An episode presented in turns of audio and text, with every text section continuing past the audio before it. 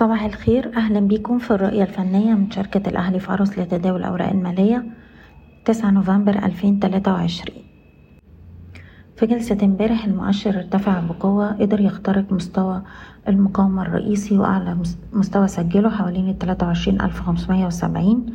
وسجلنا امبارح مستوى سعري جديد عند خمسة وتمانين. قفلنا على ارتفاع اتنين ونص في المية بأحجام تداول عالية. وفي نفس الوقت جميع مؤشرات السوق قفلت على ارتفاع. المؤشر دلوقتي بيستهدف مستوى المقاومة التالي عند ألف وخمسمية ويلي مستوى ألف وتسعمية ودي المناطق اللي هيعاد فيها اختبار القوى الشرائية مرة تانية. أول مستوى دعم في الوقت الحالي حوالين وعشرين ألف ويلي مستوى ألف وستمية. أما مستوى حماية الأرباح هو عند ألف ومتين نقطة وده أقل مستوى اتسجل الأسبوع اللي فات.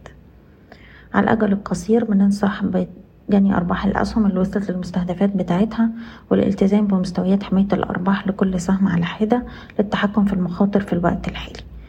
طبعا ارتفاعات امبارح كانت مدعومة بشكل كبير بأداء البنك التجاري الدولي اللي ارتفع حوالي سبعة في المية وسجل مستوى تاريخي عند الواحد وسبعين جنيه.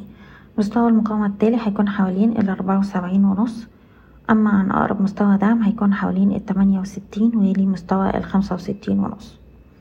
بنك كريدي أجريكول مازال بيستهدف مزيد من الصعود نحو مستويات التلاتة وعشرين جنيه نقدر نرفع حماية الأرباح لمستويات التسعتاشر جنيه ونص وأقرب دعم حوالين الواحد وعشرين ونص.